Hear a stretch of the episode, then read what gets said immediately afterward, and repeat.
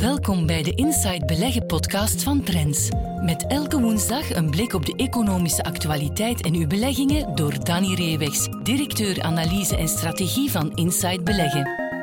Deze podcast kwam tot stand met de gewaardeerde steun van Keytrade Bank, de onbetwistbare marktleider in online trading in België. Welkom bij de podcast van Inside Beleggen. Aan het einde van deze aflevering zal hoofdeconoom van Keytrade Bank nog wat dieper ingaan op de relatie tussen de economie en de beurs. Want het is niet omdat er eventueel een economische terugval voor de deur staat dat de beurs het daarom slecht moet doen, volgens Geert van Herk.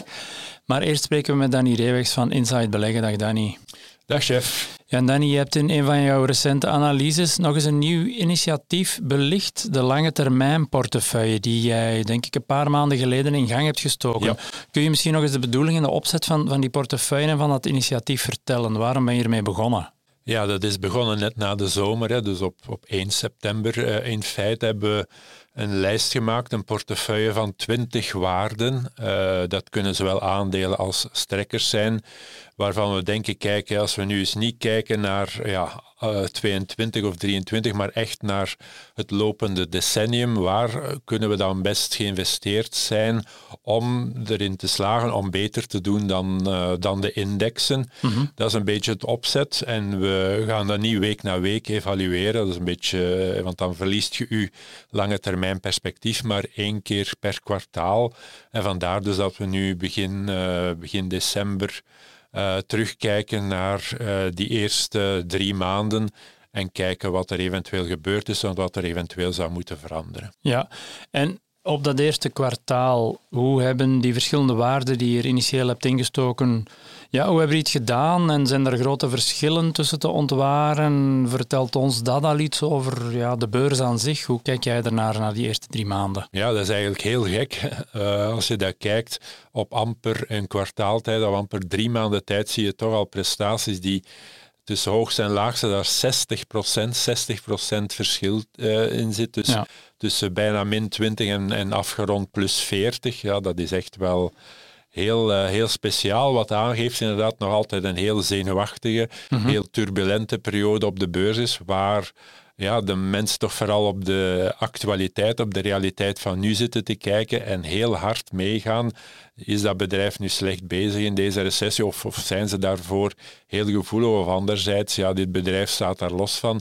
Dus de, de korte termijn speelt duidelijk wel heel uh, hard mee in de koersevolutie op dit moment. Dat heeft te maken met die grote onzekerheid, het, uh, dat er nu terug inflatie is, dat nu de rente stijgt. Vele beleggers hebben dat eigenlijk nog nooit gezien. Mhm. En dat geeft toch ja, heel veel volatiliteit op de markten. En dat zie je dus in de individuele prestaties van al die aandelen de afgelopen drie maanden. Ja, en je hebt jou wel toegelaten, of je laat jezelf toe, om één keer per kwartaal wel een verandering door te voeren in die portefeuille. En dat heb je ook deze keer gedaan. Ja, dus de, dat was inderdaad afspraak. Eén keer per kwartaal kan je maximum dus een, een, verandering uh, toepassen om ja, inderdaad te kijken, moeten we wat bijstellen, ook uh, lange termijn natuurlijk. Het is niet omdat het kan dat het ook moet, maar we hebben het toch gedaan vanuit perspectief van te zeggen, ja, uh, voel toch dat inflatie misschien wel een blijver is, dat uh, de rente niet meer zo laag gaat blijven dit decennium dan het afgelopen decennium. En misschien moet je dan je portefeuille toch wat herbekijken, herschikken. Misschien meer richting grondstofwaarde vandaar. Dus is eigenlijk meer de keuze voor dan, ja, je moet natuurlijk wel één wijzigen, want anders Zit je niet, klopt je rekening met 20 aandelen niet meer. Uh, maar we hebben toch daar in, in dat perspectief toch een aanpassing gedaan. Ja, en, en om het even concreet te maken, je hebt Adidas, heb je, daar heb je afscheid van genomen, dus het sportmerk. En dan heb je ja, een grondstofspeler in huis gehaald, de, de welke precies? Dat gaat om eh, het grootste bedrijf in de productie van uranium uranium in het Westen. Dat is Cameco, dat is een Canadees bedrijf. Uh, ja, dat toch wel symbool staat voor uh, de heropleving van kernenergie, want dat is de, de basisgrondstof, daar is uranium. En mhm. dat ja, in heel die energietransitie, in heel de energiecrisis, die er momenteel ook is, hè, minder afhankelijkheid van Russisch gas en olie en dergelijke, ja, dat daar toch moeten naar kijken en dat dit na een heel lastig decennium door de Fukushima-catastrofe uh, is die prijs heel hard onderuit gegaan en dat zou nu wel eens een ander decennium kunnen zijn. En we pikken Cameco nu op en daarom dat we het specifiek nu doen, omdat het aandeel toch wel de afgelopen maanden wat onder druk is komen te staan door een deal die ze hebben gesloten om uh, Westinghouse dus hogerop in de keten te gaan, niet alleen maar uraan depreciëren, maar ook mee te gaan doen in de exploitatie van kerncentrales, want dat is wat Westinghouse uh, doet. Alleen de markt schrok daarvan, uh, weet niet goed. Dit is wel in bij het management, bij de leiding van Cameco duidelijkste bewijs van kijk, wij geloven absoluut in de toekomst van, uh, van kernenergie, van kerncentrales en we willen dat ook bewijzen door in heel de keten actief te worden en daar ook ons graantje van mee te pikken. Maar de markt ook door ja, dat een bedrijf met schulden is dat toch wat huiverig tegenover. En we denken, ja oké, men moet dat nog aanvaarden. We pakken die tussentijdse dip op om het aandeel in portefeuille te nemen. Adidas ja, zit in een transitie, een overgangsfase. Er is daar nog altijd geen nieuwe CEO. Er is wel mogelijkheid dat dat de ex-CEO, de huidige CEO wordt van Puma, maar bon, dat moet nog allemaal bewezen worden. Uh, Adidas heeft problemen in, in China en is toch weer achterop geraakt bij Nike. Vandaar, ja, we moeten dan een keuze maken. Vandaar dat we geswitcht zijn van Adidas naar Cameco. Ja, en nu tot slot voor de lezers en luisteraars. Het is jouw bedoeling om daar per kwartaal een keer op terug te komen, zowel in het blad als in de podcast? Ja, dat uh, zullen we als voornemen uh, doen. Ja, dat is sowieso de afspraak. Elke drie maanden komen we erop uh, terug. Uh, bon, na de eerste drie maanden zitten we daar met een rendement van ongeveer 4,5% gemiddelde ja. stijging. Natuurlijk hangt ook af van de uh, beursactualiteiten. De markt is iets meer dan 4%, uh, de indexen ja. 4% gestegen. Dus een kleine voorsprong op dit moment natuurlijk. Bedoel, uh, is, bedoeling is om vooral op lange termijn het verschil te maken. Maar bon, het is toch altijd confronterend om er elke drie maanden, elk trimester nog eens op terug te komen. Ja, inderdaad. Uitkijken naar uh, de volgende keer. Dus wat betreft de bedrijven, de aandelen die je hebt bijgenomen, um, het eerste aandeel is een welbekende, denk ik, Disney. Nu, het meest recente nieuws bij Disney is de terugkeer van de oud-CEO Bob Iger, die Bob Chapek, de vorige CEO, ja. twee Bobs, de ene Bob die de andere vervangt. Um, waarom die wissel aan de top van Disney? Ja, dat is toch wel heel opmerkelijk. Hè. Bob Iger was er 15 jaar, van 2005 tot 2020. En nu Chapek is eigenlijk op heel korte tijd, want de bedoeling was dat hij veel langer aan het hoofd zou staan van, uh, van Disney, ja, om daar al terug afscheid van te nemen. Ik denk dat de positie van Chapek onhoudbaar was geworden na de recente uh, kwartaalrapport, waarin ja, een heel groot verlies van anderhalf miljard dollar in amper drie maanden tijd naar voren kwam voor Disney Plus, hè, de streamingbedrijf dat weliswaar uh, op het, uh, Netflix het, het, leven zuur maakt. Mm -hmm. Maar ja, uh, oké, okay, abonnees is één ding, maar rentabiliteit, winst maken, daarmee is een ander ding.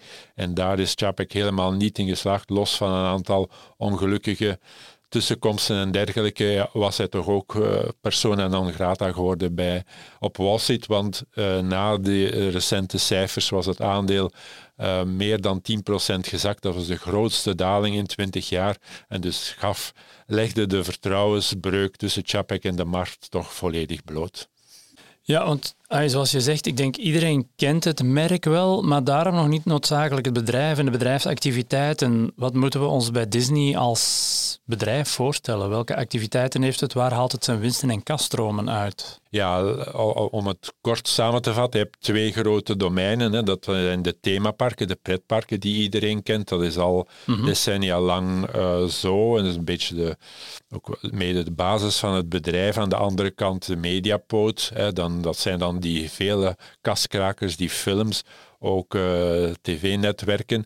En dan de afgelopen jaren is daar dan die streamingactiviteit Disney Plus bijgekomen. Uh, dat toch ja, op vlak van abonnees een zeer beloftevolle ontwikkeling kent. Mhm. Maar dus op vlak van rendabiliteit, vlak van winst tot nu toe. En zeker dus het afgelopen kwartaal een heel grote tegenvaller was. Dus op dat vlak moet Eiger ingrijpen en terug uh, zien dat er meer winst wordt gemaakt. Want het aandeel is in, in anderhalf jaar tijd uh, eh, 55% gecorrigeerd van meer dan 200 dollar recordkoers naar minder dan 100 dollar op dit moment, en dat zien beleggers niet zitten, want in de eerste periode onder Iger deed um, Disney aandeel drie keer de prestatie van de S&P 500, dus de Standard Poor's 500, de referentieindex. Dus dat is een groot verschil en dat zijn ze eigenlijk op twee jaar bijna volledig kwijtgespeeld. Dus dat moet terug uh, veranderen. Uh, de raad van bestuur en dus onder druk van heel wat aandeelhouders kon niet werkloos blijven, blijven toezien. Ja, en tot slot, hoe, hoe kijk jij naar die koersreactie, naar die afstraffing van de koers eigenlijk? Is die gerechtvaardigd, denk je? Of denk je dat er een mogelijke kentering in zit voor de komende kwartalen en jaren? Ja, ik denk dat de marktreactie toch wat overdreven is. Echt geschrokken van die verliezen. Ik denk dat dat ja, bijgestuurd kan worden, net zoals Netflix zich moet bijsturen. Dat is altijd in die nieuwe markt dat dat gaat met ups en, ups downs. En natuurlijk hadden ze ook pech. Je zit nu in een moeilijkere marktsituatie voor de pretparken, hè, koopkrachtcrisis. Iedereen weet, een bezoekje aan Disney World en zo, dat is niet goedkoop. Uh, en dat er dan wat bespaard wordt op de uitgaven lijkt me logisch op dit moment. Maar dat is natuurlijk iets dat tijdsgebonden is. Eens dat de, de hemel weer wat opklaart, economisch gezien, dan uh, ja, komen die, uh, die inkomsten terug. Dus in die zin uh, heeft Iger het denk ik niet zo moeilijk om orde op zaken te stellen. We zien ook, hè, tien jaar geleden, afgelopen tien jaar, gemiddeld werd er vier keer de omzet betaald voor het Disney-aandeel. Vandaag mhm. is dat maar twee keer, dus de helft. Dus de laatste tien jaar niet meer voorgekomen. Dus in relatieve termen is het aandeel goedkoop. En ik denk dat Iger wel zou die job op 71 die terug hebben aangenomen voor voor twee, maximum twee jaar, als hij niet zou weten wat er zou moeten gebeuren. Dus in die zin denk ik ja, dat de marktreactie toch wel wat overtrokken geweest is. Ja, oké. Eh, met het tweede aandeel komen we wat dichter bij huis, bij Ontex, de ja, gekende producent van luiers en andere hygiënische middelen. Die, zitten ook, of die hebben ook recent een CEO-wissel doorgevoerd. Esther Berospe, die denk ik nog maar twee jaar aan het roer stond, is aan de kant geschoven voor uh, een Zuid-Amerikaan. Ja, Waarom, waarom die wissel volgens jou? Ja, dus ook daar een heel korte periode, amper uh, minder dan twee jaar zelfs, want Berospe is aangesteld begin vorig jaar, begin 20. 21, dus dat is heel weinig kans gehad natuurlijk. In een volledige storm terechtgekomen, de perfecte storm. Uh, op het moment dat de, de, de, concurrentiepositie van Ontex al zeer verzwakt was, vooral in Europa, marktaandeel verloor. Dus dan kan je niet, als er dan zo'n gigantische kosteninflatie op je afkomt, dan kan je niet onmiddellijk al die prijzen aanpassen. En je zit dan in een volle herstructurering. Dus dat was een heel moeilijk verhaal. Maar dat heeft ertoe geleid dat de schuldpositie van Ontex uh, ja, eigenlijk onaanvaardbaar hoog geworden is. De schuldgraad, netto financiële schuld ten opzichte van de bedrijfskaststroom, EBITDA is gestegen tot 7,7. Daar waar 3 à 4 eigenlijk een beetje het maximum is bij de meeste bedrijven. Dus dat is onaanvaardbaar hoog. Moest iets gebeuren. De Raad van Bestuur heeft met de vorige Franse CEO heel veel geduld gehad. Met uh, Esther Barosbe duidelijk veel minder. Maar dat is dan denk ik ook dat ze geschrokken waren van die enorme en moeilijk te houden schuldpositie. Ja, en de nieuwe CEO heeft hij dan volgens jou als voornaamste taak eerst om die schuld terug te dringen? Of uh, liggen er nog andere dingen op tafel waar die, zeker, uh, die die zeker moet aanpakken? Ja, je moet de marges kunnen herstellen. Dan, dan spreken we over de Argentijn Gustavo Calvo Paz. Hè. Die mhm. komt van Kimberly Clark, dus een zeer ervaren, geroutineerd, uh, geroutineerde persoon.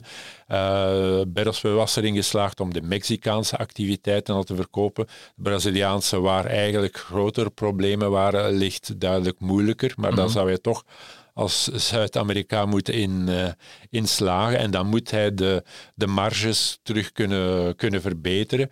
En dat is de hoofdopdracht, want het is ook mede en vooral door de scherpe terugval van de EBITDA, van de bedrijfskaststroom, dat die ratio, netto financiële schuld ten opzichte van EBITDA, zo hoog is, uh, is geworden. Ja, en nu tot slot, ehm, want je volgt het bedrijf al, al jaren. Ehm, wat zijn jouw verwachtingen concreet nu? Want ik denk dat de CEO-wissel ook een beetje voor jou als een verrassing kwam, maar uh, hoe, ja, hoe kijk jij er tegenaan voor de komende periode voor Ontex? Ja, dat was denk ik niet direct verwacht, die CEO-wissel. Wijst op de ernst, op de urgentie van de, van de situatie. Maar, en dat was dan toch het lichtpuntje van de derde kwartaal ten opzichte van het tweede trimester, mhm. is dat er toch voor de eerste keer sprake was van een herstel van de EBITDA-marge. Natuurlijk, op jaarbasis zit je nog altijd met een daling met 610 basispunten van 11,7 uh, naar 5,6. Mhm. Maar in het tweede kwartaal zaten we maar op 5,1. Dus op die vlak zie je toch dat alle ingrepen die Burospe gedaan heeft, toch uh, een beetje vruchten beginnen af te werpen. Mhm. En natuurlijk ook dat ondertussen on, zelfs Ontex erin slaagt om de prijzen te verhogen en dus uh, de situatie toch wat meer onder controle te krijgen. Maar dat alleen is niet genoeg, hè, want het bedrijf heeft gezegd tegen eind dit jaar zal de uh, schuldgraad 6,5 keer EBITDA zijn, maar zoals sprake, uh, zoals we gezegd hebben, 3 à 4 is een beetje wat aanvaardbaar is. Ja, dan zit je daar toch nog veraf en, en zal er toch nog gekeken moeten worden naar andere aanpassingen. Dus in die zin ja, heeft hij toch wel flink wat, uh, is er flink wat werk aan de winkel voor de nieuwe CEO. Ja, Ontex, alle hoop is nog niet verloren, maar nog veel werk op de plank. Jij bent uh, heel erg bedankt voor jouw tijd en inzichten en graag tot volgende keer. Tot volgende week. Dag. We luisteren nu naar Geert van Herk, Chief Economist van Keytrade Bank, met zijn analyse op een aspect van de economische actualiteit. Hallo iedereen en welkom bij onze wekelijkse bijdrage aan de Inside Beleggen podcast. Vandaag wil ik even stil te staan bij het verband tussen economische groei en beursprestaties. Want heel vaak zie je toch als het over aandelen gaat, als je naar presentaties gaat of als je eh, analyses leest, dat er heel vaak een verband gelegd wordt tussen de economische vooruitzichten van een bepaald land of van een bepaalde regio of sector en de aandelenprestaties. Maar dat is toch niet altijd een, een duidelijk uh, verband.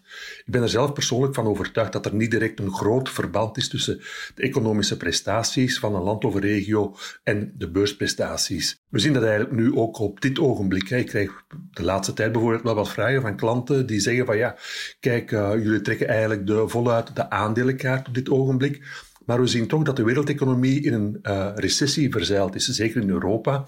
Maar ook in de Verenigde Staten zien we meer en meer signalen van een nakende recessie. Nu, je moet altijd goed in het achterhoofd houden dat aandelenbeleggers vooruitkijken. Zij anticiperen. Dus bij de start van 2022 ja, zijn de koersen uh, toch fors laag gegaan, zeker van cyclische aandelen. Sommige cyclische aandelen die hebben wel meer dan 25, 30 procent verloren. Dus de recessie werd wel duidelijk ingecalculeerd door de beleggers. En eigenlijk recentelijk zien we toch een herstel, of een mooi herstel van uh, de beurzen.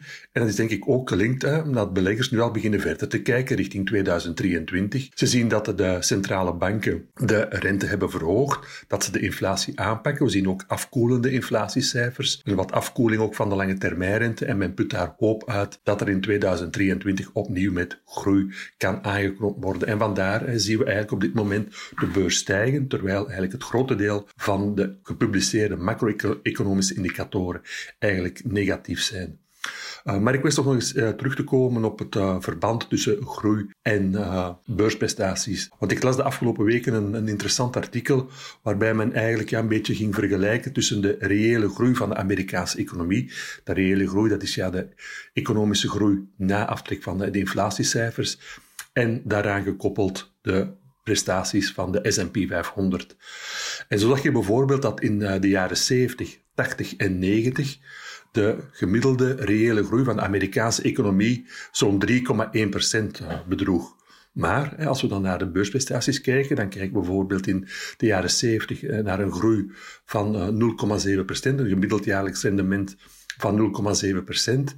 In de jaren 80 was dat 9,1% en in de jaren 90 14,5%.